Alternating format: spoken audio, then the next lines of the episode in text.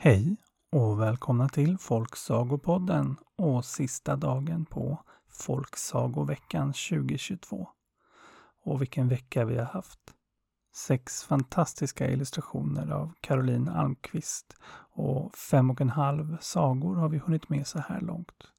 Och idag får vi alltså en sjunde illustration och slutet på den saga som vi började på igår. Sagan om draken från norr.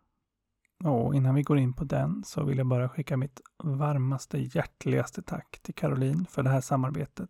Och till er som har lyssnat och framförallt tittat den här veckan. Jag älskar ju illustrationer. Jag tycker att alla böcker borde ha bilder. Och det är ju lite synd att en podd inte kan ha så mycket mer bilder än omslagsbilden. Men det är tur att den finns i alla fall. Nåväl. Igår då så hörde vi första delen av sagan om draken från norr. Där vi fick höra om en hemsk drake som hemsökte ett land och en ung man med ett gott hjärta som gav sig ut för att hitta lösningen på att besegra den. Och lösningen var en ring som den mystiska avgrundsflickan hade. Och igår slutade det med att avgrundsflickan hade friat till pojken och han lurade av henne kung Salomos ring och flydde därifrån. Och hur det ska gå, ja, det ska vi snart få höra när vi ger oss in på andra delen och dagens tema som är Victory, alltså seger.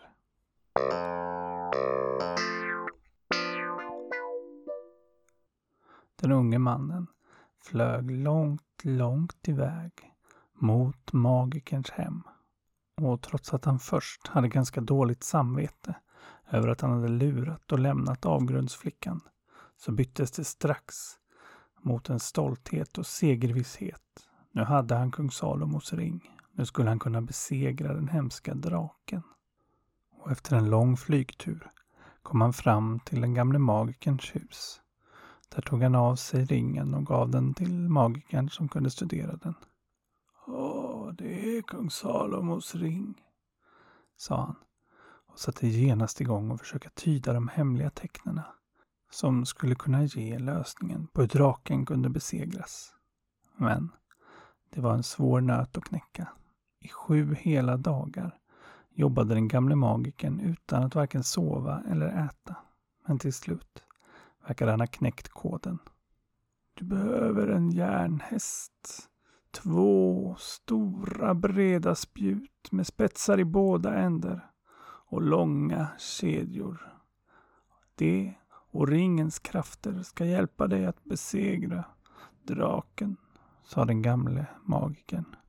Och så berättade han hela planen för ynglingen som memorerade alltihopa och tackade magikern innan han satte ringen på lillfingret och flög mot sitt hemland där draken fortfarande spred skräck och terror.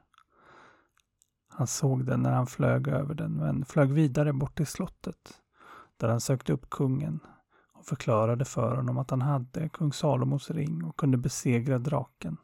Men han behövde lite hjälp. Han behövde en järnhäst, två spjut med spetsar i båda ändarna och två långa kedjor. Och kungen, han var ju desperat och gick med på vad som helst och satte genast sina bästa smeder på att smida en järnhäst, två spjut och en kedja och efter några dagar var det färdigt. Och pojken satte sig på järnhästen, men hur skulle han få den att röra sig framåt? Ja, det funderade han på, tills två fåglar landade alldeles bredvid honom och den ena sa Han får ju använda spjuten och ta sig fram med och åka med längs vägen. Ja, men då måste han vara stark, sa den andra. Han har ju ringen, sa fågeln och genast förstod pojken vad han skulle göra. Han satte ringen på tummen så han blev stark, tog spjuten och använde dem som skidstavar. På så sätt så flög han snabbt fram på sin järnhäst. Rakt emot där draken var. Och så fort draken fick syn på honom och gjorde sig redo för attack tog han av ringen från tummen och satte den på långfingret så han nu skulle vara osårbar. Och det var klokt. För snabbt gjorde draken ett utfall mot honom och kastade sig över både honom och hästen. Men han kastade sig åt sidan och drakens käftar slog igen kring hästen. Men eftersom den var av järn kunde han inte bara bita sönder den utan den tvingade upp hans käkar.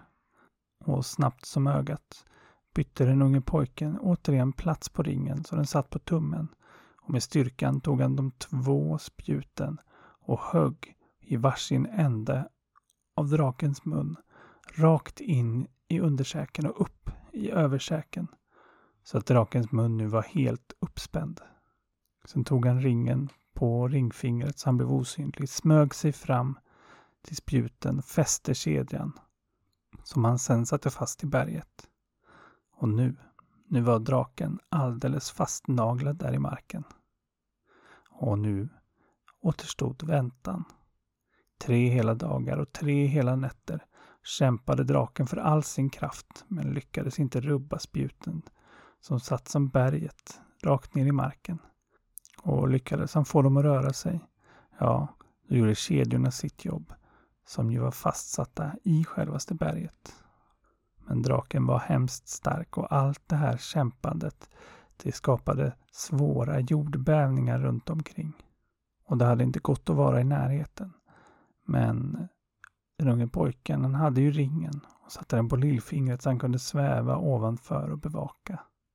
För till slut, efter den tredje natten, då verkade draken helt utmattad och han förstod att nu var det dags för den sista delen som den gamle magiken berättat för honom. Så han landade på marken, satte ringen på ringfingret så han var osynlig, smög sig så nära han kunde, bytte till tummen, lyfte upp en stor sten och slog den rakt i huvudet på draken, som då drog sin sista suck och dog. Vilken seger för den unge mannen och för kungariket och alla kungariken runt omkring. Ja, det blev en stor, stor fest för alla sju kungariken runt omkring. Och alla sju kungar erbjöd pojken att gifta sig med just deras dotter. Men pojken hade ett gott öga till en av döttrarna och valde henne.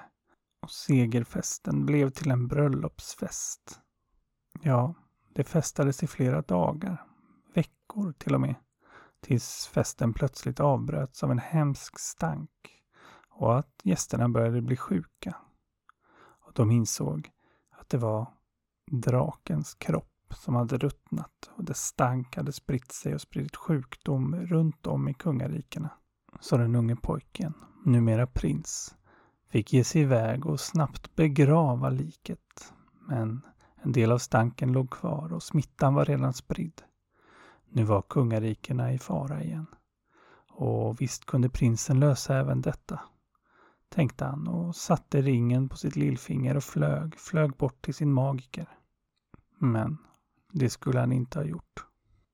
För avgrundsflickan hade förstås inte glömt honom och inte glömt bort vad han gjort utan genast satt iväg efter honom och spåren hade tagit henne bort just till magikern. Så utanför hans hus, där väntade hon. Och så fort prinsen landade utanför magikerns hus kastade hon sig över honom, slet ringen ur hans hand och satte den på sin egen tumme.